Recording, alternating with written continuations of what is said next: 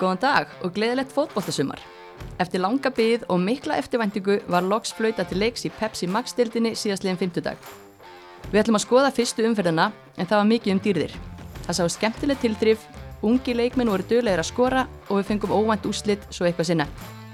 Þátturinn í dag er í bóði Dominos og Vistveru og við þökkum þeim fyrir að styrkja umfjöllun um knaspinu kvenna. Ég heiti Mist Rúnastóttir og með mér eru þær Anna Þorstensdóttir og Brynja Dögg Sigurpálsdóttir.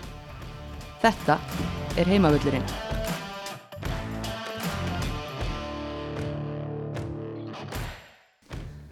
Velkomnar á heimavöllin stelpur. Ég byrja kannski á að hérna, kynna ykkur það sem þið er að mæti fyrsta sinn. Anna Þorstensdóttir, fyrir um leikmaður Breðabliks, Ía og Selfoss. Og þróttar, ekki glemma því. Nei, ég skal ekki glemma því, ég er nú bara stríðar. Hérna, og Brynja, þú ert enþá að, að spila. Já, ég tók, uh, skrifaði nýra undir hjá IR, þannig að það taka slæðin með þeim. Ok, inkasso. Já, það var bara spennandi, þetta verðist vera mjög sterkt deilt í ár held ég. Já, allavega, já, ég er allavega mjög spennt að, að sjá fullt að liðum að styrkja sig og, og gaman að sjá líka bara að koma, hérna, pop upp nýjum upp svona réttur mót og svona. Einmitt, þetta verður bara spennandi sumar held ég. Klárlega, en hérna, já, það þarf nú ekki að spurja ykkur, ég menna þið hljótið að vera ansi spenntar fyrir þessu sumri. Já, ég held að þetta verði svolítið öðruvísi deilt eins og við kannski vorum komið inn á að hérna, uh, já, bara sem blíkin alltaf þá er maður alltaf svolítið spenntur þegar, þegar liðið er stert og er, er í, í baráturna en ég held að þessi setni neðri luti verði svolítið áhugaverður.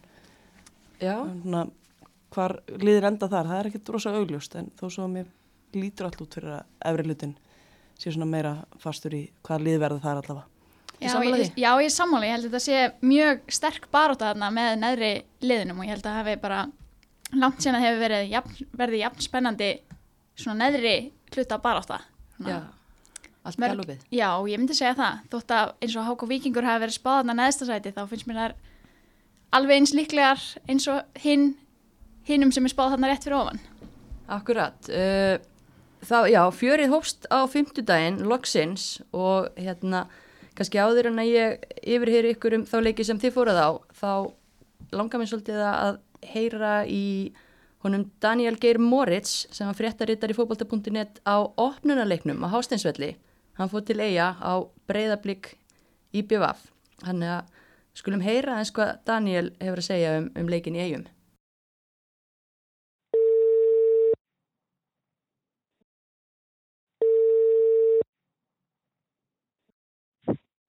Heill og sæl Daniel og gleðilegt fókbóltasumar.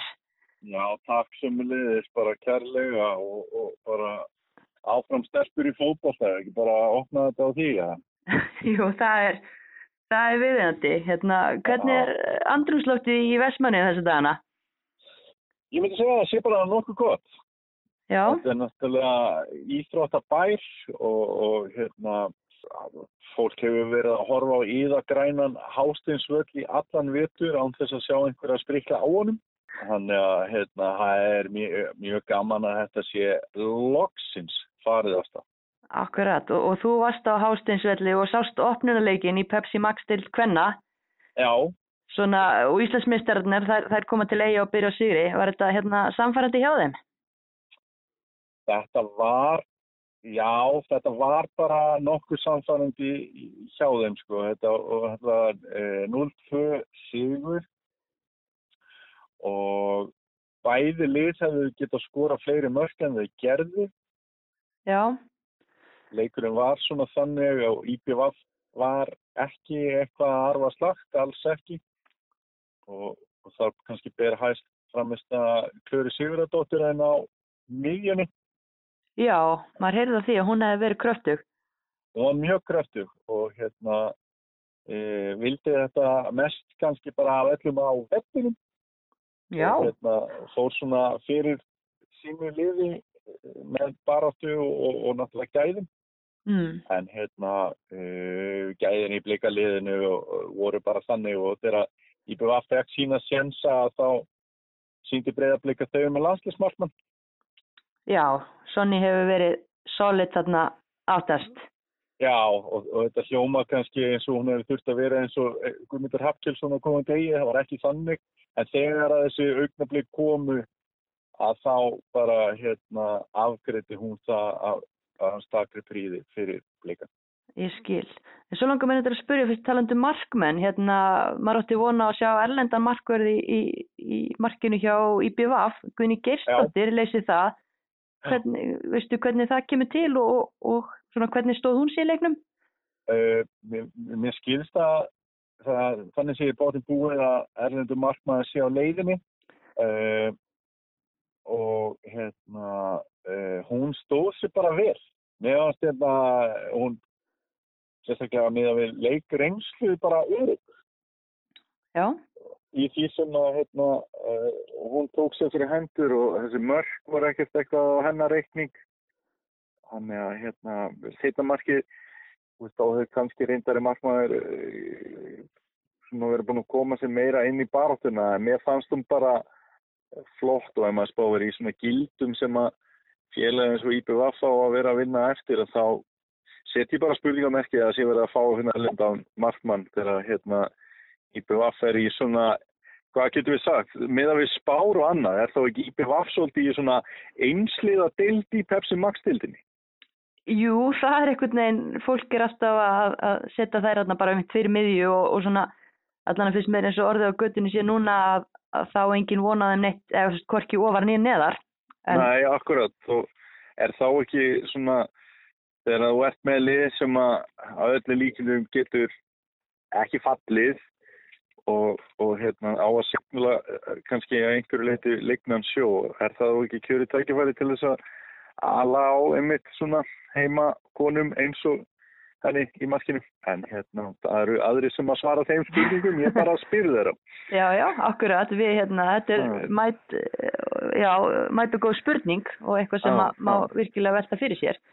Mm, en svona aðeins kannski með, með blíkaliði, þann Steini hann heldur sig við sama lið og hann er búin að vera að keira á svona, núna upp á síðkastið á undirbúnstímbilinu, þar að leiðandi með Berglindi Björgu og Selmer Sól og Becknum Já. Hvernig svona standi fannst þér að vera í þegar þær koma svo inn á?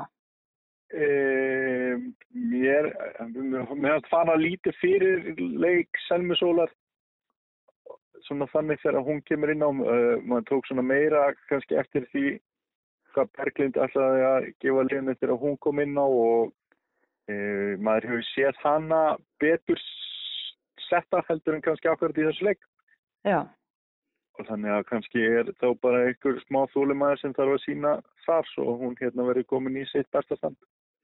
Akkurat. En svona bara í lokin eftir að hafa séð þessi tvö lið hérna spila þennan leik og við erum náttúrulega bara búin að sjá eitt leik og, og hérna hann kannski segir okkur ekki allt en ég menna finnst þér raunhæft að blíkunum sé spá þessu eftir sæti og, og finnst þér raunhæft að gera það fyrir því að IPVF verði ykkur í miðmóði? E, sko við spáum alltaf bara í mannskap sem að bæði bregðblik og valur hafa þá hérna, sem að Vaff bara sannleika sagt ekki keppa við það Nei og var nú, Steini var nú kímin í viðtalið við með eftir leikin þar sem að hann var hérna að tala um að lið með alla þessar landsleiki eins og valur það hljóti nú að geta unnið eitthvað eins og hann komst að orði og hérna þetta gæti orðið svona Já, mikil, mikil skák þar á milli sko. Við getum jafnvel bara að sé tímabil eins og erum að sjá í ennsku úrvastildinu það sem eru svona tvö bestu liðin sem að berjast bara væntalega fram á síðastu dag. Já. En, en hérna, mér fannst Akla Maria bara svo komið því að mér fannst hún hérna aldrei alburðar hérna í þessu leik. Já.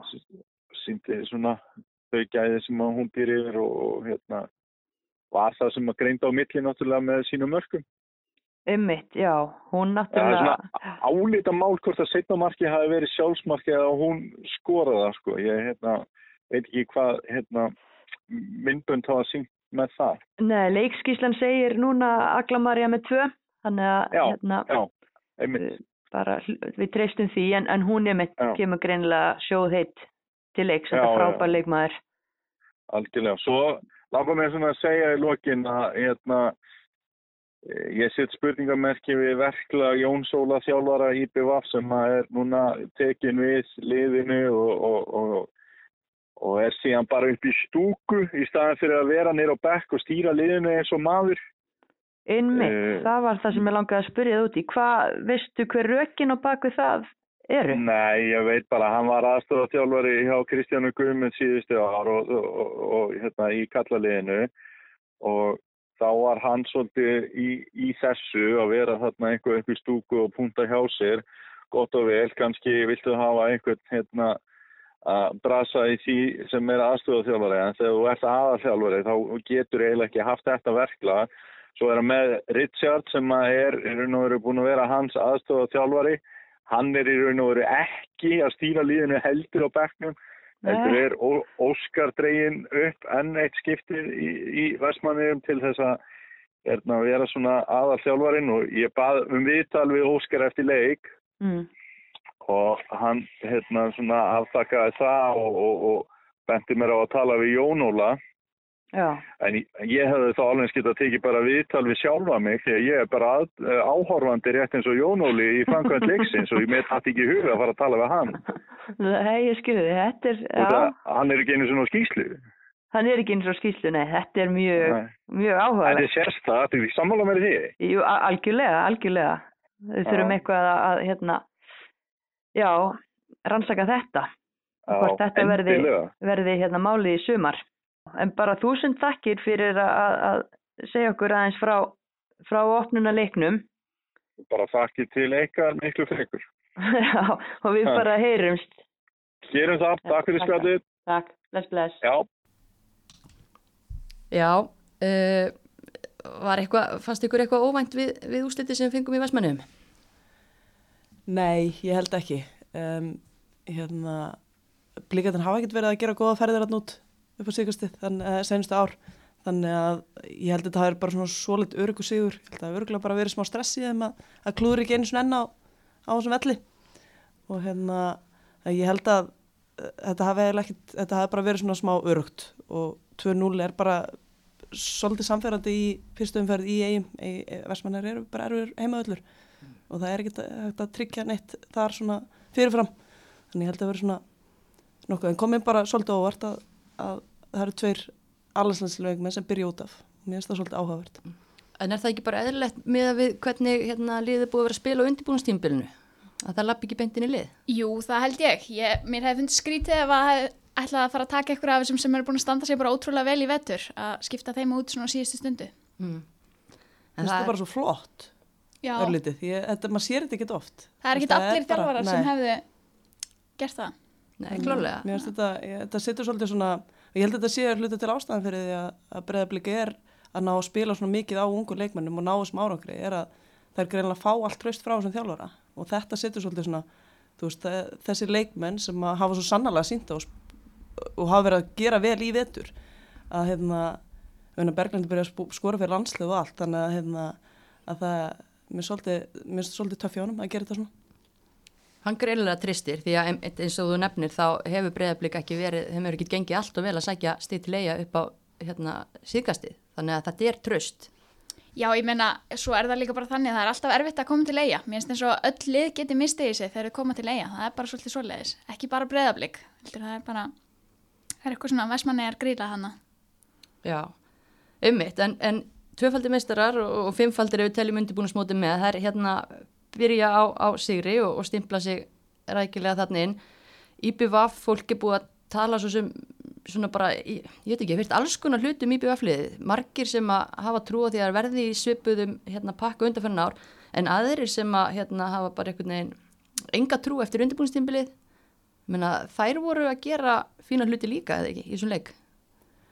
í, þær tapa náttúrulega leiknum en þetta er á móti breðablík það má ekki glemma því og breðablík er búin að vera á flugi. En mér finnst bara IBVF alltaf, bara mörg ára einhvern veginn alltaf verið þetta. Er liðið sem áærið með að spila á, eða æfa undirbúnstímbilinu eru oft með útlendinga en þær eru með þjálfari sem var þetta upp í stúku núna sem er náttúrulega örlítið áhugavert líka og sem hefur eitthvað en, en þetta er þjálfari sem hefur oft náð miklu út úr þessu liði. Þannig að ég held að það sé enga veginn hægt að sko vannmetaðar að neynuleiti og ég held að þær skilir bara því sem þær skilir. Já, hvað var Jón Óli að gera upp í stúku? Hvaða taktíku þetta? Ég, Þetta, ég, ég get ekki, ég get ekki skilið það en, en hérna, en hann var þar. Það var spennandi að sjá hvort það verði þar alltaf. Já, já, við býðum, býðum spenntar. Ha. En Brynja, þú fóst í kórin og sást HK Viking og KR. Hvernig svona fannst þér þau lið mæta til leiks? já, mér ást bara Hák og Víkingu kom mér bara skemmtilega óvart. Þær byrjuðu leikinn bara mun kraftmeiri og það var eiginlega smá eins og Káir ætti ekkert uh, vonaði að þær myndu mæta svona sterkar til leiks eða bara ættu ekki vona á neittni mótstuð eða svoleiðis. En svo svona var þetta svona frekar jafnleikur í setni hálfleik. Það var í rauninni allt opið fyrir Káir. Sérst Hák og Víkingur skorar hérna í fyrir hálfleik en þar eftir þá svona var eins og að lifna aðeins yfir Káir. Já. Þannig að það var En- svolítið kaplaskiptur leikur. Og KR-inga þá að, að vannmeta HK Viking eins eins og restin á þjóðinni eða hvað? Já, ég hugsa það, hafi verið smá. Þær vildi nú ekki viðkjanna það sem ég viðtölum eftir leikin en mér fannst það svoleiðis bragur á þessu. Akkurat, og HK Vikingar, ég meina, það er náttúrulega bara, þetta eru óvænt úrslit, það er allir búin að afskrifa þær fyrir, hérna, fyrir mót og ég held að ég hef ekki talað við neitt sem er ekki að spá þeim sko bara næsta sæti, fyrir utan náttúrulega HK Vikinga sjálfa, um, en ég meina, ef við byrjum þetta saman fyrsta leiki í fyrra, þar komaði líka óvart og það er mikill andi í þessu liði.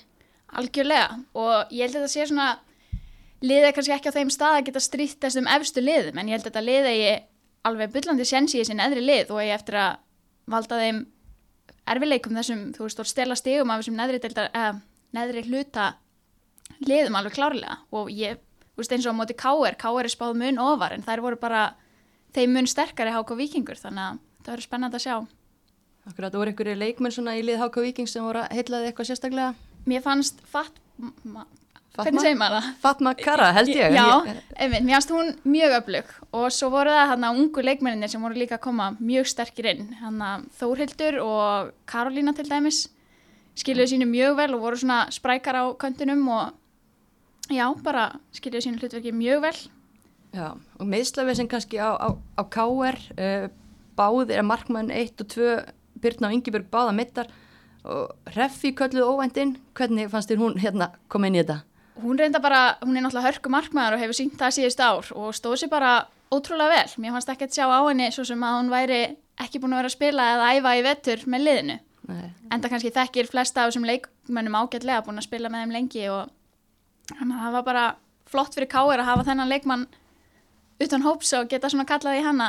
Já, mega, mega luxus að eiga svona leikmann og mega káring, það er nú kannski ekki allar verið til í að hoppa inn í, í fyrsta leiki í Pepsi eftir að, ég veit ekki svo sem hvort hún, hversu mikið hún hefur verið að æfa, hún er alltaf búin að vera úti í vetur, en hérna, nákvæmlega og ég held hún, þú veist, er ekki prófatímabil og eitthvað svona en ég held að þetta hafi ekki verið auðveld, auðveld að hoppa svona frá skólanum sko en þetta var bara magnað að sjá hana hana Já, og talandi um markmenn, uh, hinum einu nú líka markmaður sem að, já, er að koma ný inn í deildina eftir að hafa verið út í skóla í bandaríkjunum og fleira, Halla Margrét.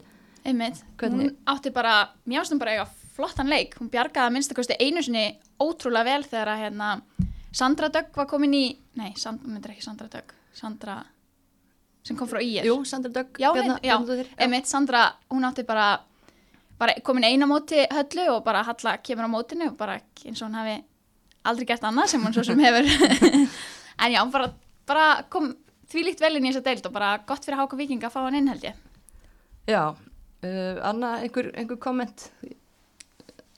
Nei, eða þú veist, ég held að Háka og Víkingur sé bara örlítið vannmetið lið. Það eru, búin að, það eru bara komnum með smá reynslu og Káar frekar held ég örlítið ofmetið. Það eru búin að vera bjarga sér nokkur sinnum. Mm. En það eru aftur búin að bæta við sér núna og ég, smá, ég held á hinbóin þá held ég aftur að Káar geti komið á óvart. Ég held að annarkort örlítið komi ekkert út úr þessu en ef að Katrín og Gumma ná til dæmis saman nú ég spila með Gummu og ef að Gumma er með góðan miðun maður með sér þá getur þú fengið ansi mikið út úr þeirri mannsku þannig ef að þær ná saman þá geti alveg eitthvað að fara að gerast hjá K.R. en það er svolítið spurningamerki. Já, og ég menna, þetta er kannski svolítið eins og í fyrra, þá var það bara svona svolítið, það Katrín Ómars sjó, hann að setni hluta tímabils þegar að þær halda sér uppi í rauninni, hún er ekki með í þessum leik, hún fær hérna hvað nýja í læri í, í síðasta leik fyrir mót. Og það bara munar um minna en K.R. getur ekki verið lið sem að treystir bara á eitt leikmann, menna þú kemst ekki upp með það í, í Pepsi Max-deildinni.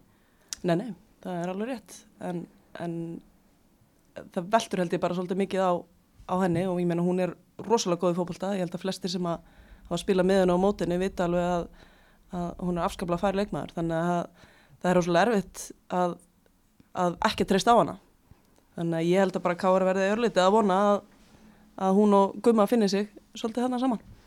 Já, ég er spennt að sjá eftir, mér gumma ekki alveg sína hvað hún getur í þessum leik, ég er svona, held að Káur verði líka að finna hana meira, þú veist, nýta hana meira, hún er svo ótrúlega sterkur leikmaður og þegar hún ákvaða að gera eitthvað, þá var það sem að Káur fekk sín bestu færi, sko. mm.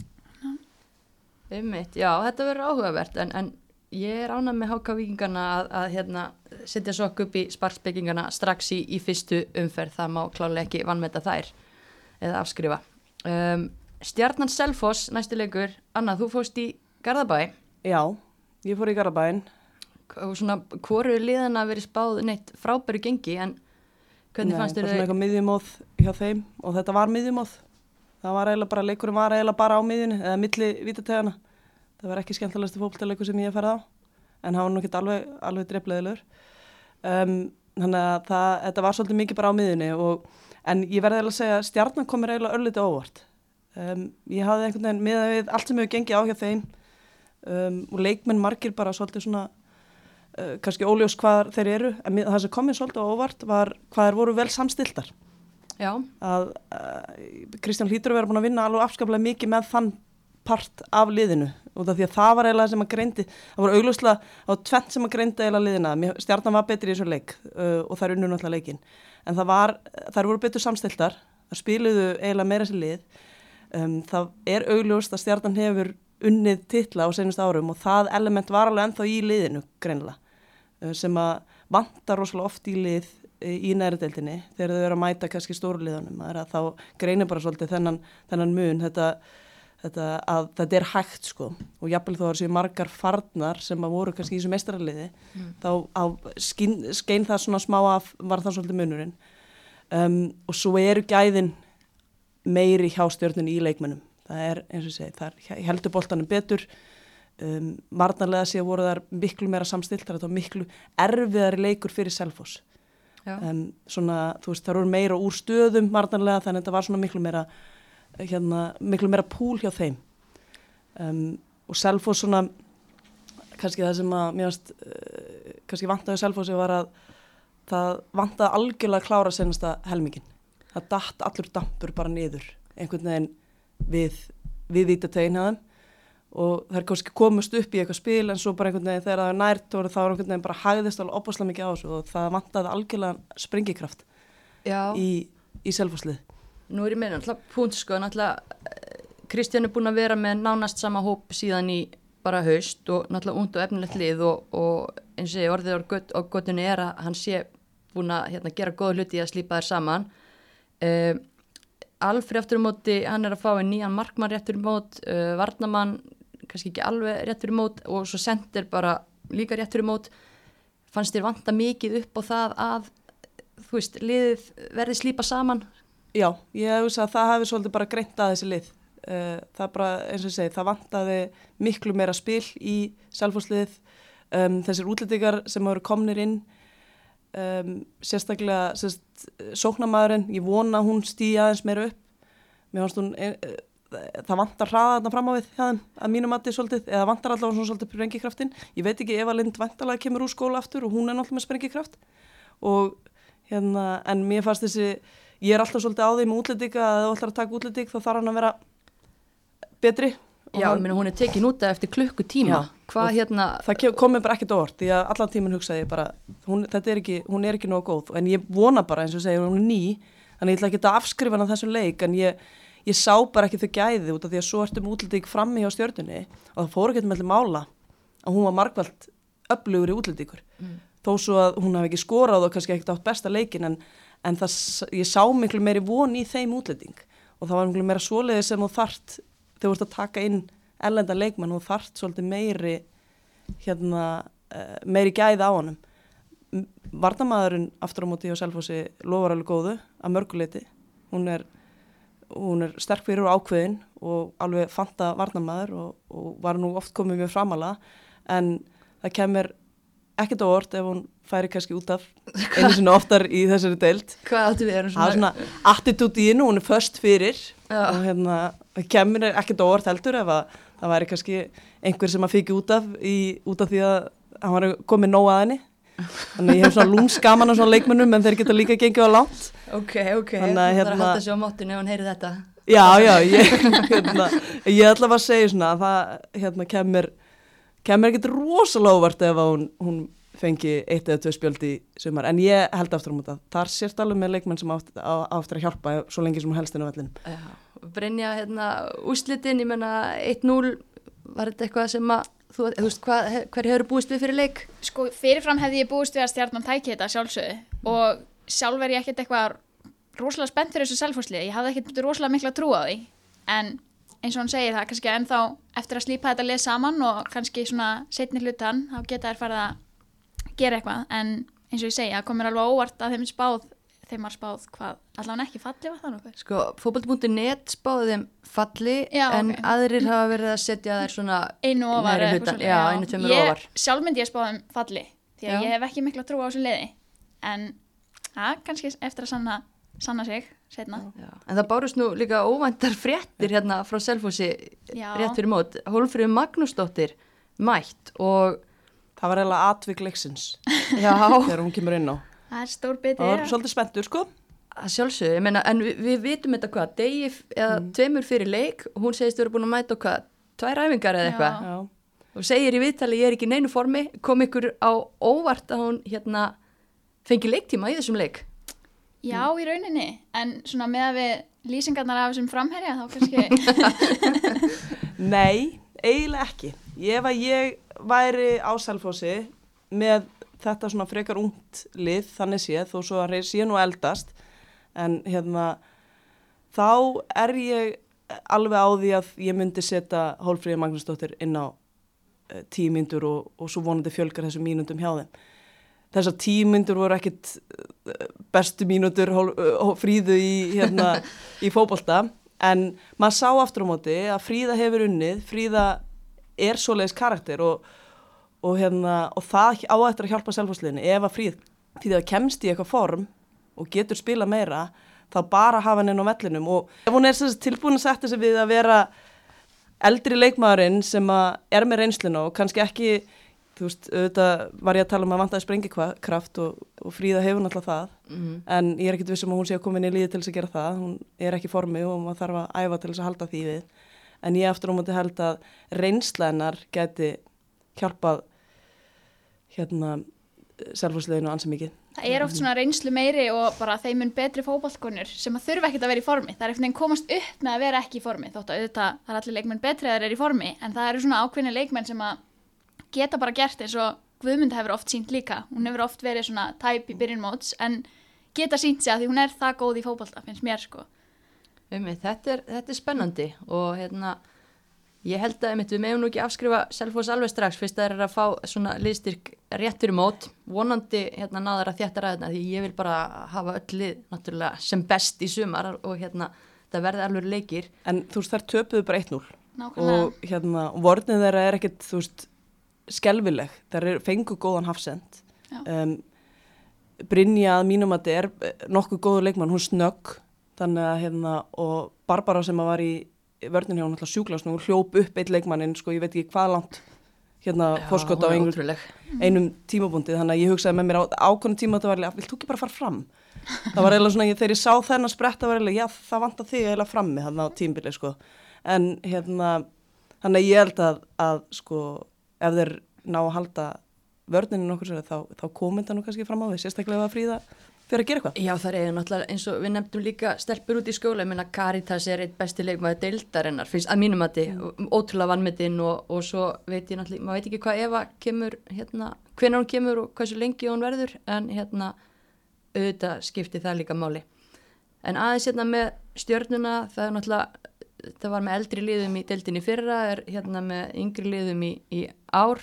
Uh, Birna Jóhannsdóttir skora markið, ungu sendir fekk fáar mínútur kannski í fyrra. Hún verðist vera tilbúin að fara hérna, taka sér stærra hlutverki í, í sumar. Já, ég, eins og segi, með þetta stjórnulið uh, þegar ég var einmitt að hugsa bara, maður tók einhvern veginn eftir meira leikmennum í selfhósi, leikmennum einstaklingum í selfhósi og það var bara hlutuð því að þær voru að spila miklu meira þessi lið stjarnan. Hún var uh, svo sannlega best hún Jasmín Erla, inn á vellinu, hún var hörku dugleg inn á miðunni og hérna, en að öðru leiti þá, þá var ég bara svona hrifin af þessum þessum svona samvinnu sem að var komin. Og því ég held að það sé líka alveg rétt fyrir þetta stjórnulið það er búið að missa þessar stjórnur sínar og að, þú veist, þú ert ekki fara að búa til stjórnu 1, 2 og 3 þannig að ég held að þetta sé alveg rétt humdafræði að reyna bara að, að byggja upp gott og heilstætt lið og það virtist alveg vera að virka. Ég eftir á móti sá alveg veika punta á þessari vörn til dæmis hjá þeim og hérna og það verður alveg eitthvað sem að þeir þurfa að hafa af að móti starrilegunum þannig ég held að stjarnan sé aldrei að fara að blanda sér í einhverja topparóttu en ég held að það sé ekki að fara að tapa rosalega mörgum stigum á móti nærilegunum og ég held að það svolítið haldi þeim alltaf svolítið ofalega en ég er ekkit alveg á því að, að þær séu að fara að stila eitthvað brjálaslega mikið af stigum nema þá í svona smá, með svona smá hefnisbrag eða bara, eða svoleiðis út af því ég held að það séu veiki punktar á þessu en, en, en þessi veiki, þessi, þessi liðseld mun skila þeim ánsemörgustíðan. Get, getur kannski verið sammálu um það að með að við ástandi í Garðabæi í oktober-november þá sé þetta kannski bara betra liðheldur en við hefum átt vona á þeim tímpundi. Já, bara, segi, kom mér virkilega óvart að sjá hvað það er orðið samstilt.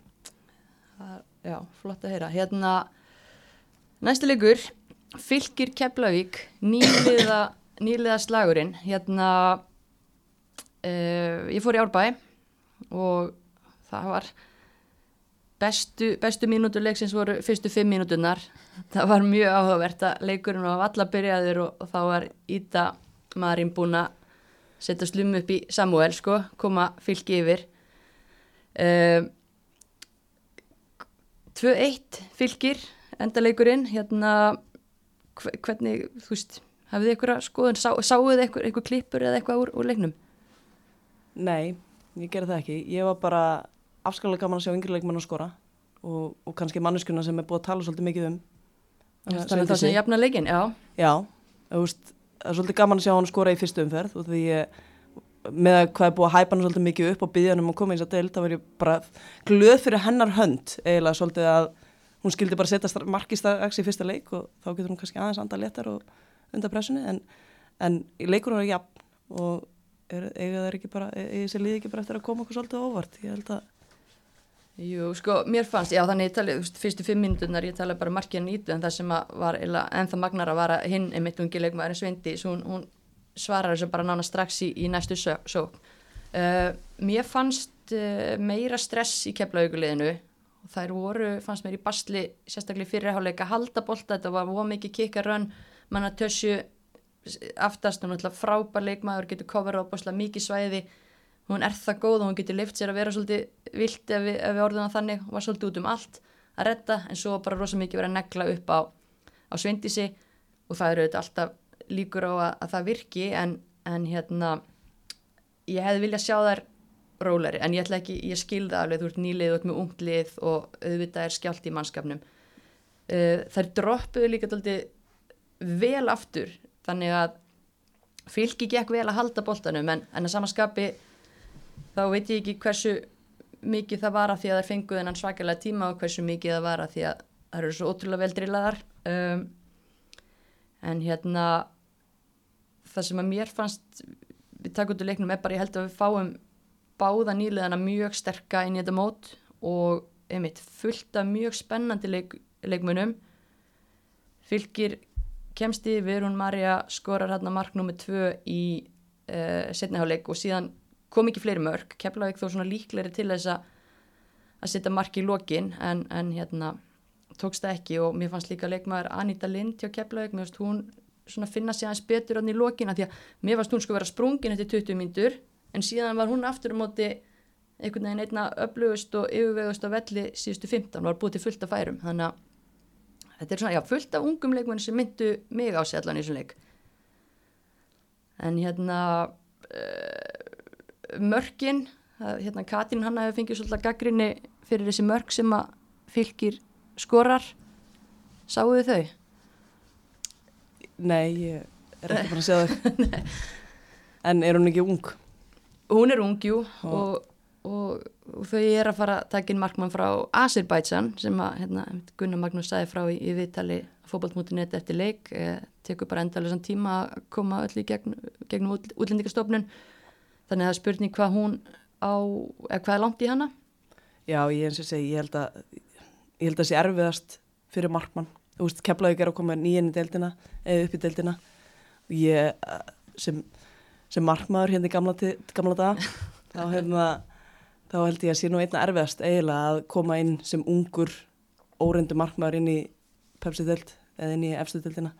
Þannig að ég, eins og segi, þú veist, já, ef, ef að mörkin hafa kannski ekki verið neitt sérstaklega henni í hag sem hún var að fá á sig þá, þá ætla ég nú ekki að kannski að ásalun um það en, en maður verður náttúrulega bara að vera tilbúin og vonandi vonandi eflist hún við samkemnina Já, ég held að, betri. spurning, engin spurning. Og ég meina þessi lið í, í, í þessari deild þau verða að hafa allavega tvo samkemni sem markminn til þess að íta við hver annari líka bara þannig að æfingi verði þú veist bara hjá liðinu, þetta, er, þetta skiptir höfu máli bara að það séu tveir markmenn á æfingu til þess að þetta gangi allt upp sko. í Pepsi, eða, þú, veist, þú kemst ekki upp með að vera með bara einn markmann held ég, og það er alltaf mikil markmannsvandraði í þessari deild mm að mínu mati. Já, en það verður svolítið gaman að sjá í sumar að því að ég meina ungi markmenn að, taka, að fá tækifæri. Byrta Guðlaug spilar hérna e, fyrir stjörnuna, Guðni Geir spilar fyrir IPVaf, Katrín hanna fyrir Keflavík Cecilia fyrir fylki menn hún er 2003 mótel held ég. Já, að það verður mjög gaman að sjá svona hvernig þessi ungu leikmenn koma til með að pluma sig. Það er á að, á að trista þeim. Algjörlega og, og náttúrulega við erum ef við horfum bara á landslið og slúðis þá erum við búin að, við erum að horfa upp á örlitin markmannsvandræði. Það eru, hérna, þar eru að orðnara ansi gamlara í, í landsliðinu til dæmis. Þannig að það er mjög gaman að sjá og ég vona bara að það sé einhverja af þessum markmiðum sem er eftir að springa út því að við þurfum svo sannlega að því halda. Og helst fleiri en einn þannig að það er mjög gaman að sjá alla þessi ungul markmenn. En, en, hérna, en ég eins og segi þetta er ekki auðvelt.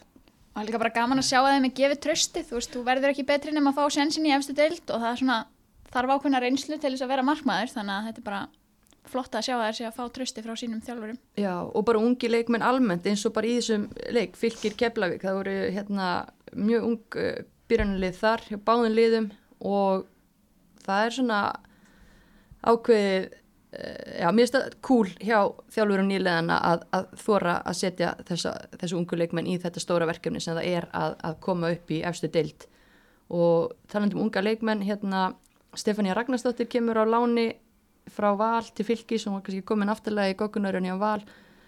U19 leikmaður, ég menna það er opaslega mikilvægt að þessi leikmaður sé að spila. Hún kemur inn hann í setnaháleik bara með miklum krafti fyrstum sinn og, og hérna ég menna fögnum við því ekki að, að þessar unlingalandsliskonur okkar sé að spila í þessari dild Jú, algjörlega, alveg eins og ég sagði áðan, til þess að fá, sækja þessa mikilvægur reynslu sem það er að spila í Pepsi-dildinni, þá viljum við sjá þessu ungu leikmenn spila, ekki bara sitja á bekknum eða jável vera utan hóps ef að svo leiku við, frekar að fara í sín eðri lið og fá þá bara sinn spiltíma.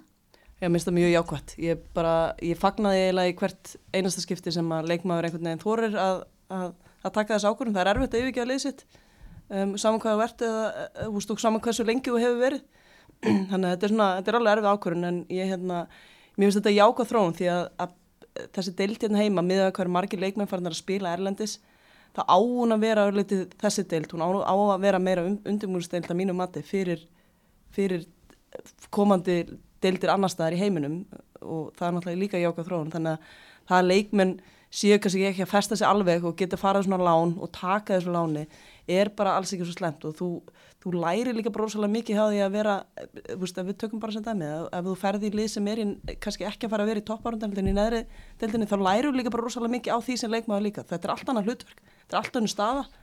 Þannig að ekki það, það er náttúrulega líka eins og hjá Stefáníu það hefur verið hún er búin að núna vera með ansi góðun leikmennum hjá val og kemur vantal aftur í val en það, það er ekki að segja þú veist þetta er, þetta er, þetta er rosa flott reynsla að prófa líka, hún fara öðru þessu hlutverk uh, hjá, hjá fylki heldur en hún fengi hjá val einhver tíman Já, algjörlega, ég held hún að passa líka bara vel inn þetta fylgislið mér varst vanta svona svolítið uh, yfirferð á miðjunni og hún náttúrulega rosa, með rosalega hlaupa getu ótrúlega klók svona að stinga sér inn og, og uh, ég allavega, mér fannst hún smetla ég, og ég held að hún smetli mjög vel að neinn hún var mjög góð fyrsta kortir 20 myndir svo náttúrulega tók keflaug aðeins yfir leikin en ég held að þetta hafi verið mjög klókt hjá, hjá fylgi, annars er hérna.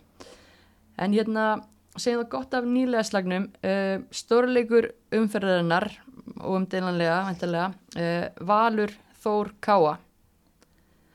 Dadarada rosalega úslitt eða hvað? 5-2 Já, bara rosalega leikur út af því úslitin sko tölunar eitt segi eitt en sko hvernig leikurinn þróaðist var líka kannski bara mjög áhugavert. Þetta var kaplaskipt Alveg bara rosalega kaplaskipt ég held einhvern veginn, ég þegar Þór var komið þarna búin að ná undirtökum í leiknum þá þá er það svona dætt bara að mér, ég bara er valur í alvöru ekki að fara að geta gert neitt úr þessu liði sem það eru með? Þú veist þær byrjuðu alveg og fyrsta marki þeirra bara þú veist stórglæsilegt og böðu upp alla það þá þau gæði sem að, sem að voru í er í þessu liði. Og svo einhvern veginn bara tvö mörkarna og það einhvern veginn dætt bara svona dampurinn niður hjá þeim og ég var bara, já, er það að fara að vera þetta lið sem að missir bara andan þegar það kemur á móti blæs sem að gerist alveg hjá liðin sem eru svona opáslega vel mann, mönnu, það hefur alveg gerst í gegnum tíðina, þannig að ég var alveg svona nei, eins mikið og hérna, og ég kannski er ekki alveg hlutlis í þessari baráti hérna og held kannski með breðabliki í þessu, þá var ég samtalið bara svona ég vil samt eða ekki sjá, var bara ekki sjá þessa leikmenn einhvern veginn farið þetta, þannig ég var örlítið ánað þegar ég sá þær síðan koma tilbaka hérna, en á hinbóin þá þá völdu ekki svona yfir Þór Káa í setna hálfleik. Hvað gerist í setna hálfleiknum manna? Þetta er annarleikun í röð þar sem Þór Káa fær á sig fimm mörg í setna hálfleik. Þetta er lið sem við, við þekkjum af bara allt örum enginum, ég minna þetta er baráttulega, það eru vel skiplaðar, gefast aldrei upp. Ég bara, ég stend bara gati eftir hérna síðustu tvo setna hálfleika hjá þessu liði. Já, það hafa líka verið þekktar fyrir að vera með sterka vörn og svona, en þetta kemur manni óvart hvað er að fá þessi mörg mörg. Þetta er alveg mjög mikið áhugjefni fyrir það er fyrir norðan Hvað, já húst, Ég ætla bara að segja það eh, Mér fannst það bara ekki verið formi Þið fannst það ekki verið formi? Nei, mér Nei. bara heila fannst það miða við uh, valslið. Það fannst mér að það er bara vera árleitu eftir. Það kom að það kaplin alltaf en það var heila meira bara út í að valur einhvern veginn klúraði húst Þetta er náttúrulega Þór Káa, það eru með fullt að góða leikmennum þannig að þú ert ekki að fara að vera hálfum huga mótið en það refsa þér, það er alveg á hreinu. En mér fannst sko mér fannst einhvern veginn frá uppæfu og svo í setnaháleik þá einhvern veginn var eins og Valur hefði bara rúlað yfir og hérna á meðan að aldurinn á valsliðinu segi meira að það er eftir að draga sér þú veist, þetta aðeins niður í setnaháleik að við erum alveg hreinskilin en það eru alveg uh, góðu formi hérna valsliði, þannig að mér fannst bara ég, ég, það kom mér eiginlega smá orð að mér fannst Þórkáa bara ekki, ekki og ég menna kannski alltaf bara toppa að setna það, það geta ekki verið eitthvað að spara það að byrtinu byrjuð. Nei, en þú veist, mm. mér, mér bara persónulega, ég, það er eiginlega miðavilið sem að ætla sér að vera í topparótu þá, þá ég veit ekki hvort, ég er náttúrulega ekki múin að sé marga leiki með þeim, en mér fannst það svolítið já, það komið smá orð, mér fannst það örlítið formið ekki alveg vera eins og ég ætti að búast þið. Nei, en þetta var bara lélegt og ég finn að Donni segi það sjálfur í, í viðtölum, bara skjálfilegur setni hálfleikur og það einhvern veginn bara engin haus og, og já, mögulega formið, ég hérna, veit ekki, en þetta er, þetta er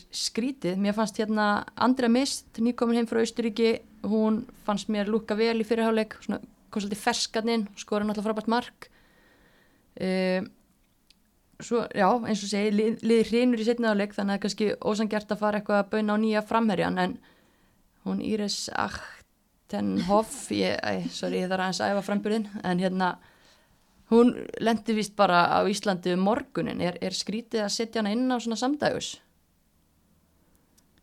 Það er kannski bæði og, menn vilja náttúrulega sjá hana kannski sem fyrst og bara hendinni beint út í djúpulauina en svo má deilum það hvort það veri rétt ákvörðin eða en skiptir henni nú hvað, hann skiptir nú svona tildulega snemma hálftíma eitthvað svo leið sko. Já, ég, maður setur kannski svona spurningum var hann kannski búin að játa sig sigraðan? Ég veit ekki og vildi bara veist, ég, það virkaði bara svolítið svo leiðis inn á vellinum að það er voru ekki að fara, fara að gera eitt eða neitt. En ég efast um að Donni gefst ekki upp held ég fyrir hann að búin leikurinn. En já, mér finnst það kannski líka bara svolítið ósækjandi gagvart henni. Já, og það því að, e, þú veist, þegar hún kom inn þá var ég alveg svona, já, þú veist, þetta er ekkit eitthvað til þess að hrópa húra fyrir En kannski hérna- voru væntingarna meiri, kannski bjóstan við að þetta væri það sem þyrti þegar það eru komnar í þessa stöðu, bara væri krafturinn sem það þyrti. En hún var náttúrulega alveg tínt greið en það er svo sem ekki bara við hana Nei, Nei, maður getur það eiginlega ekki, ekki dæmt hann út frá þessu en ég meina, Lítið út frá þessari ef, ef, að hún, ef, að það, hún hefði verið búin að æfa eitthvað og vera Já. með þeim eitthvað þá hefði maður alveg, já þetta var ekki ekki þess verið að, að fljúa heim sko, eða þú veist af því að ein, einmitt Þórká þarf að vera með ansi fá ansi öfluguleikmenn til þess að toppa það sem þeir eru með sko. Já, og líka það er pressa á henni náttúrulega, hún þarf að fylla í markaskonuna söndrumari og annað, þannig að, að auðvitað erum við að fara að gera geggjaða kröfur á hana leikmann. og þá vantaði Söndrum Marjum að fann það alveg að, að, hérna, að Sandra Meijur var eh, meira þú veist, hún náttúrulega getur gert alveg ótrúlega mikið og í hverskitt sem hún fekk boltan þá náttúrulega aðeins lifna maður aðeins við út af því að hún getur gert ótrúlega mikið en ég held að hjálpin alveg að hafa Það er leikmenn eins og með sér sko það er vinnu náttúrulega ótrúlega vel saman, Sandra og Sandra. Já, Þær voru spiluð þvílíkt vel saman og bara þekktu hver aðra orðið mjög vel, þannig að þetta var stór missir fyrir Þór Ká að missa Söndrumarju og sama með Lilji úr vörninni, hún var mikið hjarta í þessu liði og svolítið svona barðar hausinn Mm. fyrir þær stundum, þannig að það getur líka spilað inn í. já, en við vonum að, að Þórká að ná nú rétt úr kútnum, við viljum hafa þær með í þessari Já, baráttu. engin Algjörlega. ástæð til þess að eitthvað að, að afskrifa þar sko, þar eru búin að stríða hérna liðum hinga til og senustu árin og ég held að það, hætti ekki að vera vera góðar þó svo að það er missa einna tvo leikmenn, ég menna en eins og Donni segir í viðtalinu, hann segir líka hann þarf kannski að hugsa þetta aðeins öðruvísu og, og þetta er nýtt lið, Mm hann, hann þarf að gera einhverjar breytingar á, á hvernig hann ætlar að gera það En svo er það bara að maður ætlar að vera í toppáratu, þá má ekkert mistiga sig það oft, þú veist, strax í þessum leik þá er þetta svolítið dýrt, en auðvitað allt sumarið eftir, en það er um leið og mistigur þið einu sinni, þá ertu, það er orðið stór, stór, Já, og ég, þú veist, mið, ef, við, ef við horfum síðan á val þú veist, því að það má ekki Þór Káa klúðraði ekki bara þessum leik sko. Nei, Nei, tölum nei, um val, Hallbera rósar sóknarlínunni, við tölum eftir leik, ég meina, við þurfum ekkit að ræða þessa leikmenn sem er að spila þessar sérstaklega fremstu leikstöri á þessu liði, þetta er, þetta er rosalett og þegar það er smulluðan í setnaháleik, ég meina, guð, guð Já, ég okkur. bara, þú veist, eh, það, þú veist, að horfa á uppstillinguna bara til að byrja með og svo fyrsta markið það var ég bara, já, ok, þetta, veist, ég, það kæmi mér ekkert óvart að Valur myndi brjóta einhvers konar markament í sumar. Veist, ég held að það verði þegar það eru komnar að stað um, í leikjumstundum, þá verði þetta anservitt og sem ég finnst eða ekki rosalega skemmtilegt og því ég minnst rosalega leðilegt að horfa á eh, þessi 8-0 leiki og, og, og svo leið sko en ég er ansið hrætt um það þegar það eru komnar áflug að, hefna, að Það það er að koma verði svoleiðis úrslit eftir í dildina. ég, ég, með þessa sóknarlínu um, og, og ef við tölum svo um hana hlín veist, það er náttúrulega æðislegt að vera svona ungu leikmaður með þetta, þetta liði kringu sig. Já, þú veist, ég bara bara byggðan um að njóta því að þetta er náttúrulega bara forréttindi að fá alla þessa leikminni kringu sig sem eru kannski líka svona ekkert alveg eh, komnir, það er margir að búin að skora rosalega mörg mörg þannig að ég held að það virkaði líka svolítið svoleiðis það var ekkert alveg að skipta máli hver var kannski að skora mörgin sem er kannski ekkert alveg attitút sem að sem að margir að þessum leikmennum hafa oft sínt um, þannig að mér finnst það líka svona hérna svolítið jákvæmt að, að það var greinlega ekkert alveg höfuðatrið að hver væri að skora núna og, og það er bara mjög jákvæmt út af því að ef að, því að hún er náttúrulega með hraðan og, og sprengikraftin og þólið núna og vera með síðan þessa leikmenni kringu sig er náttúrulega bara draumur. Já, skondið að tvö af þessum þreymur mörgum hafi verið með skalla. Já, hún segist að hafa verið hérna, bú- búin að gera það eins með yngri landsliðunum en, en við höfum ekkert séð það hérna, hjá henni með val á, á Íslandi þannig að það er komið kom nýr fítus já, ný óg nákvæmlega. Um, aðri leikmenn na, Fandís, hvernig fannst ykkur hún koma út í leiknum? betur en oft áður um, því sem ég sá til dæmis í fyrra með henni sem hún var kannski ekkert alveg sjálfur sér lík en hérna, en fandi þess að náttúrulega bara þannig leikmaður að eh, hérna, að, og ef hún er með boltan þá getur hún gert og hún gerði usla nokkur sem þessu leik Mjög áræðin Já, hún er það og, og, og mér finnst það aðeins vera að koma meira aftur núna því að það er svona hennar element svolítið. Hún er greinlega í alltaf lagi formi líka. allt í lagi En hún er í góðu formi. Ég, þú veist, Ég verð bara að segja, þú veist, það er líka alveg eðlilegt að fólk fari svona, þú veist, leikmenn eins og hún, þú veist, það er erfitt að halda upp þessu sprengikrafti þegar maður eldist og, og hérna, og þú veist, ég bara verði að gefa henni út af því hún var aðeins farin að, að dragast niður í fyrra, sko, þannig að ég bara verði að gefa henni hrós fyrir það, mér fannst ég vera svolítið að sjá aftur sömu fann þessi áræðina og, og sprengikraftin svolítið í sér, þú veist, ég er ekki svo hún Nei, nei, ég skil, ég skil hvað átt við, ég skil hvað við, en hérna, einmitt, ég er sammála, hún var að spila sjálfströsti og var mjög hættulega, átti mögulega með þess að skora meira, en hérna, leitt ferlega vel út. Uh, mér varst líka Elín Metta og Margit Lára uh, skemmtilegar hérna, uh, maður tók kannski ekki eins mikið eftir Margit Láru en hún var að spila boltanum opbóslega vel frá sér og var með þetta að búa til. Elín Metta, náttúrulega bara ótrúlega seg, hvernig hún er alltaf að prjóna sig hérna, inn á teg og, og hvernig hún leggur upp þetta fyrsta mark ég menna Mm. það er ekkert margir reynd við þessa sendingu til dæmis Nei, nei. En ég minnst að, og eins og með Margulláru, ég, eh, hérna, Margulláru er byggð upp sem sender og markaskorari og, hérna, og það er erfitt að fara frá því að vera senderinn og markaskorarinn, þannig að, en ef hún er fyrir að leggja upp og, og vera meira spilandi, þú veist, hún, það er efanstekjun um það að Margulláru er sjúklega góð í fótbolta, en, en það er svolítið erfitt stundum að bakka frá því að, að vera svo sem skora mest. komið nýtt hlutverk bara í Já. valslið verðist vera, bara stend sér bara með príðið þar og, já, og getur bara gert það skaplega vel sko, þannig ég held að, ég held að við séum ekkert endilega að fara að horfa á okkur að brjálaslega marka súpi á markallöru þó svo við kannski búist við hún á eftir að skora alveg nokkuð mörg en, en ég held að það sé líka ekkert aðalatrið því að hún er náttúrulega bara uh, rosalega fær fótboltamæður og getur nýst á ótrúlega stöðum inn á vellinu sko, ef, hann, ef hún vill það sko. Einmitt. það allan ætti ekki að vera vandamál og eins og þú veist að nefna það bara með að við getum verið að sjá okkur marka met og annað. Þú veist, þú ert með þessa leikmenn sem starta leiknum svo ertu með ótrúlega hungraða sendera á bekknum með Guðrún Karitas og Bergdísi Fanni til dæmis. Það er komið inn, fengur þetta bara örfáar mínútur hann það komið svolítið óvart. Já, en ég menna þetta eru líka leikmenn sem að eiga eftir að nýta sínar mínútur og eflaust vera svolítið marka gráðugar þegar þær fá tækifæri. Algjörlega. En eins og segja, komið er alveg óvart að hann skildi skipta svona opasla sent uh, í því stöðunni sem var alveg komin að hérna uh, um, já, ég hef einhvern veginn haldið að að mætti skipta, skipta fyrir sko. Og því að leikmenn geta meðs líka. Og þetta er ekkert leikmenn sem hafa verið alveg heilir senstu ár sko. Þannig að það má, þú veist, þarf vantilega að hugsa aðeins út í það. Það er ekkert hérna, þó svo að sé örgulega allar að passa sig að vera heila núna en það slýsa eða meðslatíðin hefur alveg verið háhjá þessu leikmennu sem er inn á þannig að þú ert líka kannski að hugsa út í að ef þú fær tækifæri til þess að aðeins að, að kvíla þá, sérstaklega í svona stóru leika svo þessum um, þar sem að átökin eru mikil Mm. Það er alveg, alveg valitt punktur og, og ég myndi eins og það nefnir margar hérna búin að vera frá vegna meðslegin og margir larar að spila fyrsta sinn síðan 2017 og bara frábært að sjá hann aftur og svo kemur Mist Edvarsdóttir inn eftir sko tvenn krossbandaslitt spilar hvað, mann ekki tímyndu kort er Já. eitthvað svo leis og ótrúlega gaman að sjá þessa leikmenn koma aftur tilbaka. Já, alveg meira áttar. Og hérna og myndi vonandi bara gengur allt upp hjá þeim í, í sumar og því að þetta eru hörku hörku góði leikmenn. Já, ég bara, þú veist, að horfa á eins og valslið þá, ég meina að fólk ætlar ekki fara að mæta á velli núna til þess að, þú veist, ef valsar ætlar ekki að fara að mæta á velli núna til þess að horfa á þetta valslið þá, hérna, þá er það bara fáisa, sko, ég bara þú veist, þetta gæti orðið svo opvarslega skemmtilegt uh, að horfa á, á þú veist, þeir eru svo færar, sko. Já. þannig að, að, hérna, að ég held að valsarar ættu ekki að láta þessi vant á völlin og, og fylgjast með þessum gæðin sem er inn á.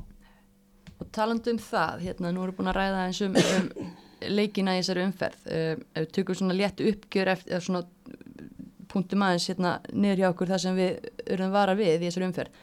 Talar um að mæta völlin um, áhóranda tölur það er bara þrjú lið af, af eða þrjú hérna félag og tveimur sem skila inn áhóranda tölum.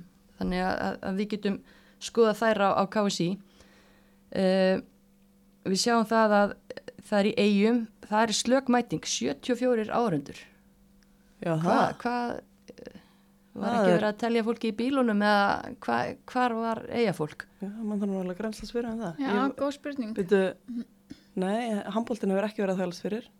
ég bara Nei. veit það ekki, mennum að verðum við ekki að treysta þessum tölum sem við sjáum á leikskíslunum Jú, ég, Svona- meina, svona ég held að og það er, það er vestmanna sem telja þannig að ég veit ekki alveg hérna, akkur það er þetta að vera minga en mér finnst það ansi lélega tala ég bara, Já. ég ætla að vona að vestmanna ykkur allir nú að og því að, meina, það er uh, stóra er þú mæt, uh, veist, með að fara til eiga er að það er úgeðslega erfitt að mæta þessum árátafylta Akkurat, og það er reyndar líka verið búið að vera að, að gaggrinu þetta kalla megin svo sem að hérna uh, þá léli mæting hjá kallaliðinu í, í fyrstu umferð. Þannig ég veit ekki hvort það sé bara eitthvað almennt stemningslis, ég trúi því ekki. Nei, ég bara, ef bara að IPVF missi stemninguna Já, þá er óbúslega mikið farið. Já, það er, þú veist, þá fyrir ég að hafa áhugjur mm. Þú veist, ég fyrir eða ekki að hafa áhugjur á íbjöfu fyrir að, að hérna, heimavöldurinn er farin Þú veist, því að þá, þú veist, þá er eitthvað slandi í gangi, sko.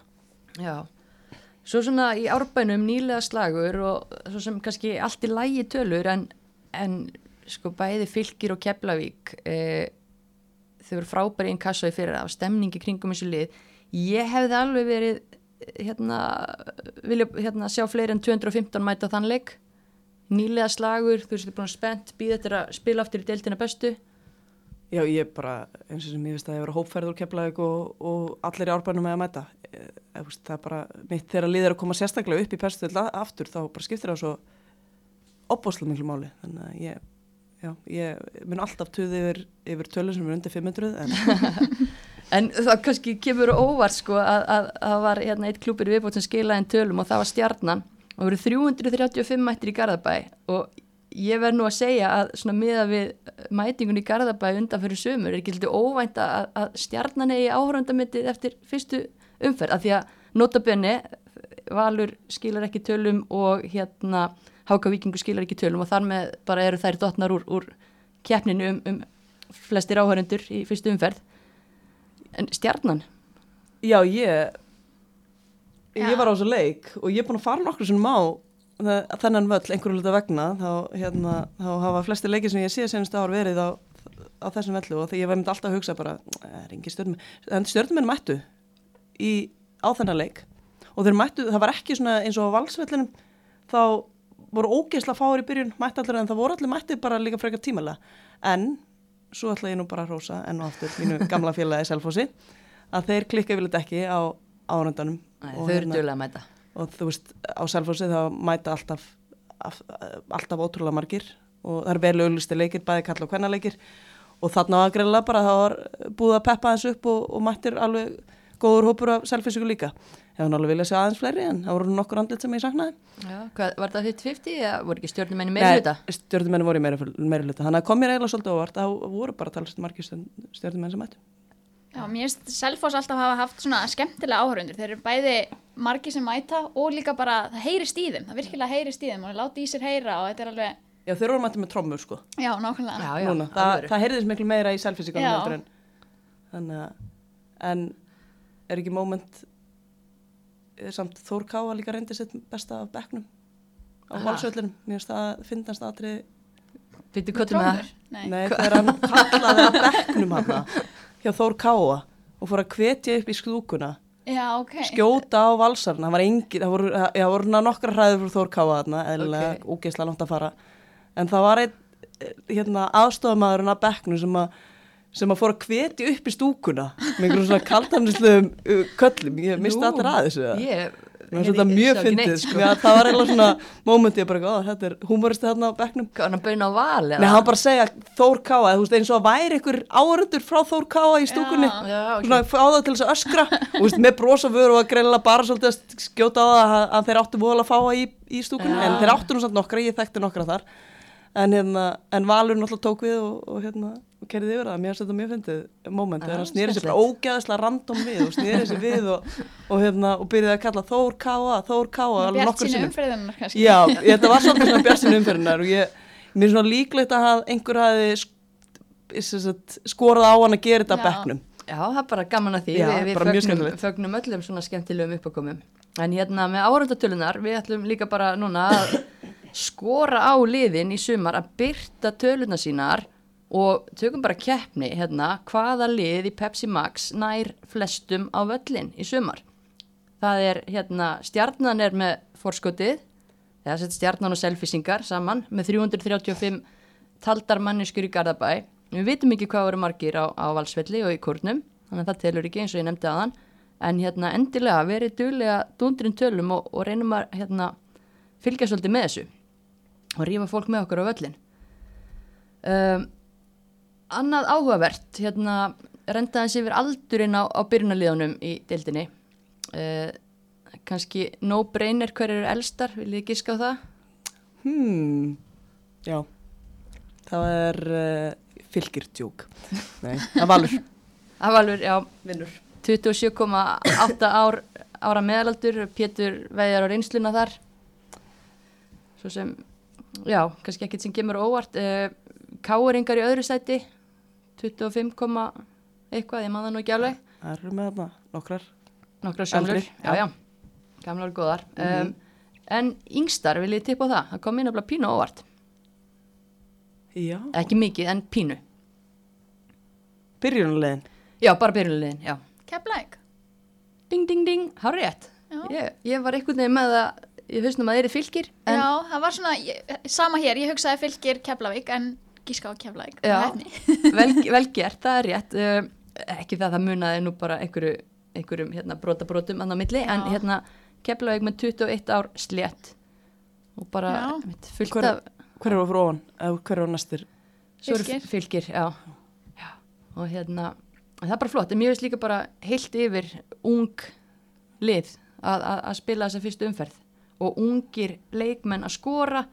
Veist, hlína setja þrennu fyrir val, fætt 2000 Byrna skora sigumark stjörnunar Íta, Sveindi skora í nýlega slagnum Þórildur fyrir Haka Víking og svo náttúrulega Agla Mari ekki gömur heldur. Þannig að mér veist það svolítið svona ábyrjandi eftir þessu umferða að Og enginn af þessu leikmönnum sem að er búið að spá að verði marka uh, hérna drónur, þær skoruðu enginn af þeim. Allavega með að áleiti sem kom í fótbolti.net það var enginn af þeim leikmönnum að skora, ég held að það er rétt. Ég meina, já, já, ég man ekki hvort Berglindar skoraði ekki og Fandis var ekki að skora og Margildar var Fandi ekki að skora. skoraði eitt. Jú, Fandis skoraði eitt, Já. það er rétt. já, og en já, En já, það er svona Já, mjög skemmtilegt. Klímsdal svolítið senunni þarna og hérna uh, talandu það ás tilþrif umferðanar, ég meina gerir þrennanana hlínar ekki tilkalli Það held ég klárlega, svona að- leikmaður og veist, í þessu liði það er maður kannski ekki skáð okkur annan sem myndi setja þessa þrennu en það var bara frábært að sjá ungan leikmann taka Já. þetta. Ég held að það sé, hún allavega uh, alveg heitlaði mig sko Já, eru með ykkur fleiri, hérna, fleiri tilþrif sem ykkur finnst svona verðt að nefna? Já, er ekki markið hennar Andrið eitthvað sem er verðt að nefna? Það var dálítið smekklegt svona, beint úr hodni eða rétt.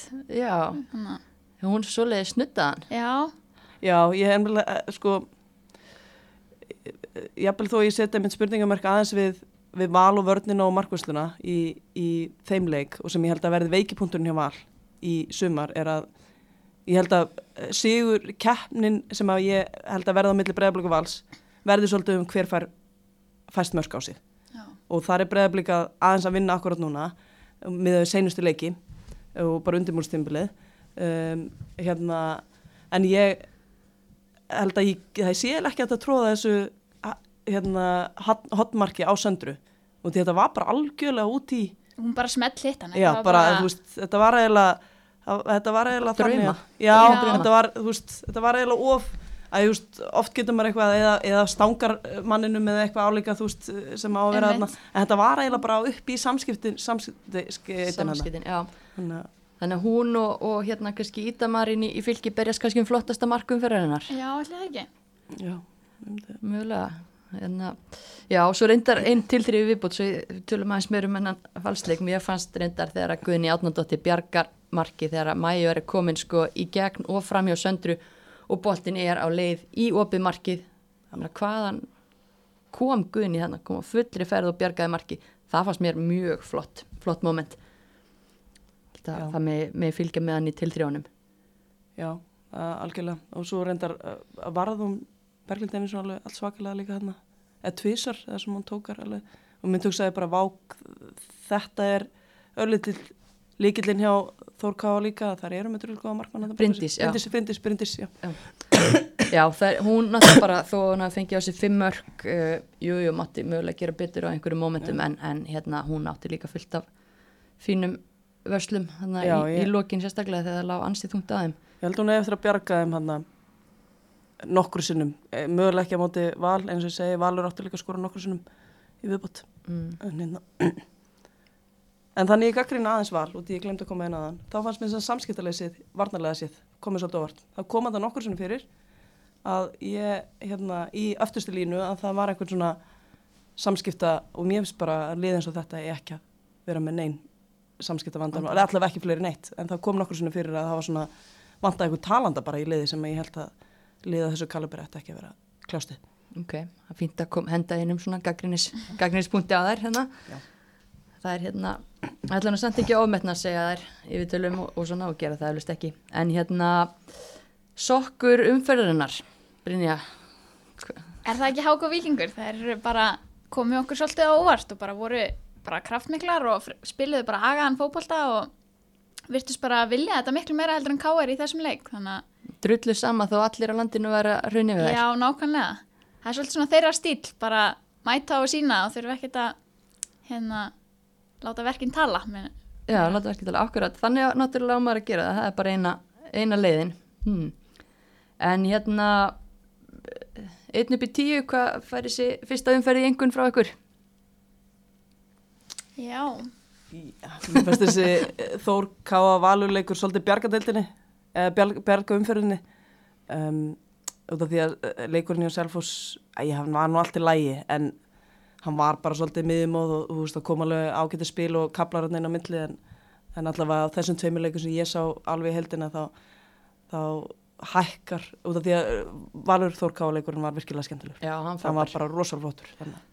Já, ég hugsa að ég sé sammála. Það var svona, var kannski ekkert eitthvað brjálaðislega spennandi og ekki margt sem að fór öðruvísi heldur en kannski sérfræðingar svona spáðu fyrirum en það var bara gaman að þetta sé komið í gang og bara meiri spenna framöndan. Henda einni góðri áttu á þetta eftir hennar frábæra lokaleik eða? Já, Já, ég held að það sé alveg, já, svona 7-8, ég held að það sé alveg, alveg, jú, alveg 8 út af því að þessi Valur Þórkáleikur var virkilega, Já, virkilega Við skemmtilegur fengum og, allt í honum. og það væri bara, ég bara vona að sé svona leikur í hverju umferð. Já, og jafnvel fyrir neitt. Ha. Já, það væri mjög gott. En hérna, uh, það var nú önnur keppni að, að hefjast og kannski ekki hægt að klára þáttina þess að minnast aðeins á mjölkubyggarinn. Uh, þar var, er fyrsta umferð ennþá í gangi, það er bara síðan- loka leikur umferðin er í gangi, bara as we speak.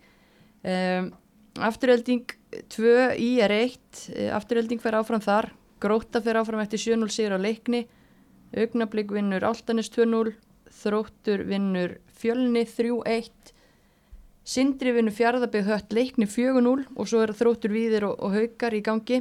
Uh, er þetta ekki svona nokkur nefnir bara eftir bókinni, þessi fyrsta? jú, Umferð. er þetta ekki eins og maður hefði spáð í fyrirfram? Stóra spurningin er, og þú ég held sé eftir bara bókinni, hvaða lið af þessum liðum er að fara að stríða liðunum uppfrá? Er eitthvað, Ekki af þessum liðum held ég, það er ennþá svo breytt já, bil ég á held að milli. það sé, Það hugsanlega, já, Kanski helst þróttararnir eða haugarnir og ég er svona ljótt kannski að, að skrifa þrótt við en, en þær eru náttúrulega að setja saman lið bara til að taka þátt í byggakeppninni Já. og, og haugar er topplið í einn kasso þannig að ég held við svona, þú veist, gefum okkur það að haugar, haugar klári það þannig að og þetta eru kannski þau lið sem er hæst skrifuð þannig að það er ekki líklegast að ef einhver að það verði það að, haugar að með, það væri, það gerir svo sjaldan í, já, í kvennadildinni að það sé eitthvað svona nærdeldalið sem að, sem að svona, mér finnst þess að breytin sé enn of mikil á milli þessara deilda. Það er, þú veist, og eins bara, þú veist, uh, neðri hluti deildana og þú veist, efstu tvö kannski í fyrstu deildinni, Já. þú veist, það er en ákveðið svona breytan á milli. Já. En fylgir gerir þetta í fyrra já, þannig að við bara óskum eftir hérna, umsóknum. Alltaf gaman að, vinsalega svari því á, á vellinum kæru neðri delta lið og komið með nokkur köpsett í þetta í ár. Um, svona áður en ég slepp ykkur að því að við hulda sko við erum ekkit sérstaklega góða spákonur. Við alveg skýtum upp á bak og, og eyru hérna þegar við vorum að spá í, í síðustu umferð.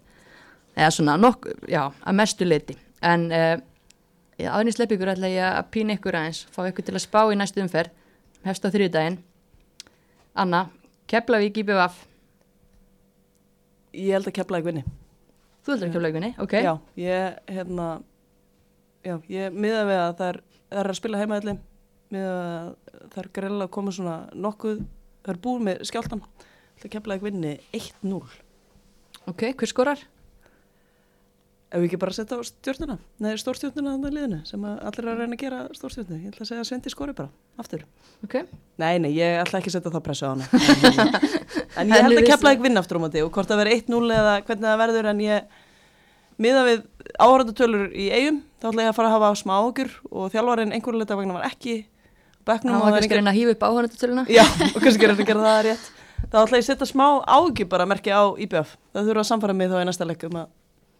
Ok, já, fair enough, fair enough, þú veist, þú, þið hafið enga tapja sér í spá því að eins og segja, þetta var allt í ruggli hjá okkur síðast hvort er, en hérna Brynja, Selfos breðablík. Já, ég held að breðablík það geta frekar auðvöldlega. Þakka þér fyrir að lefa hennar spá þar. Já, ég, ég hugsaði það. ég held að þetta verði 3-1. 3-1 fyrir blíka. Hvað heldur þú með byrjunlið hjá, hjá Steina? Eru landslískonunnar Selma Sól og, og, og Berglind að fara að byrja þannleik eða ætlar hann að halda þeim áfram á begnum? Það er góð spurning. Það kemur ekkit á óvart ef það er færu inn eða allan önnur þeirra fengið sitt sæti aftur. En samt eins og bregðarbliksliðið er að spila þá kannski er engin ástæða til þess en já, já kemur ekki óvart ef allan önnur þeirra væri komið með sæti sitt tilbaka. Ok, þetta verður gaman. Frólitt, frólitt. Uh, Anna, stjarnan Háka Víkingur? Já, stjarnan vinnu það.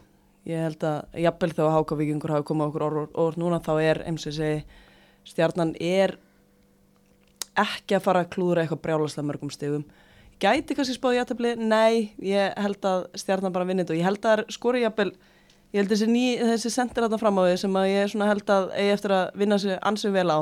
Mexikoska, René já. ég held að, að, ég held að hún skori í þessu leik. 1-0, 2-0, 5-0, 7-0 Nei, ég held að stjarnan verði aldrei í stórun tölum ég held að verði svona 2-0 2-0, slegið. Brynja Þór Káa fylgir. Þór Káa tekur þetta, ekki spurning.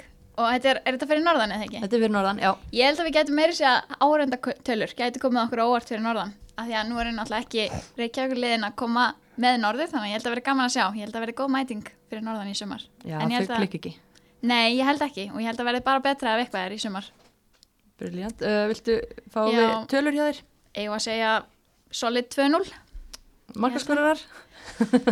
Meijorinn, það lítur að vera kom allan eitt frá henni. Yes, Þorka fylgir. Og þá er það Reykjavíkuslagurinn eldstu liðin í deildinni.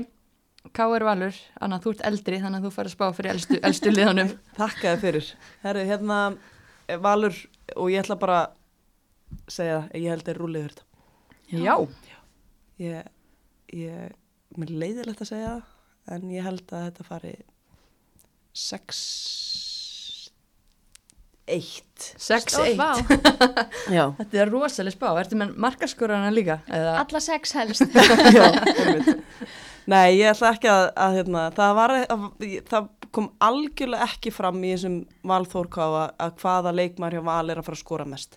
Hún skora náttúrulega þrjún hlín en veist, hún er ung og hún er hérna, í samkefni við, eða ekki samkefni skiliru en en það, mér fannst það einhvern veginn ekki verið að segja mér hver er að fara að skora eitthvað Er það ekki bara allar að fara að skora? Jú, ég held það nefnilega, ég held að það er að fara að dreifis og, og ég held að ég held að skellurinn komið þarna á káar 6-1 og ég held að það er svolítið svona bara ég það hef ekki verið nógu mikið skellur að, að, hérna, að tapa 1-0 fyrir Háka Viking ég held að skellurinn komið þegar það er tapa mútið val og það er þóla ekki mútið val held ég. Allavega ekki Katrín Norma síðan nokkuð sem það. Nei, Reykjavík slagurinn og Þórun og, og það er sko, það er ekki að fara að tapa mútið það er ekki að fara að líða það að tapa mútið val. Nei Já, við skulum bara segja þetta gott af heimavellinum í dag. Þakk ykkur kærlega fyrir að mæta og, og fara yfir þetta með okkur. Sjáumstu ekki á vellinum í næstum ferð? Jú, ég held það. Herri, takk fyrir.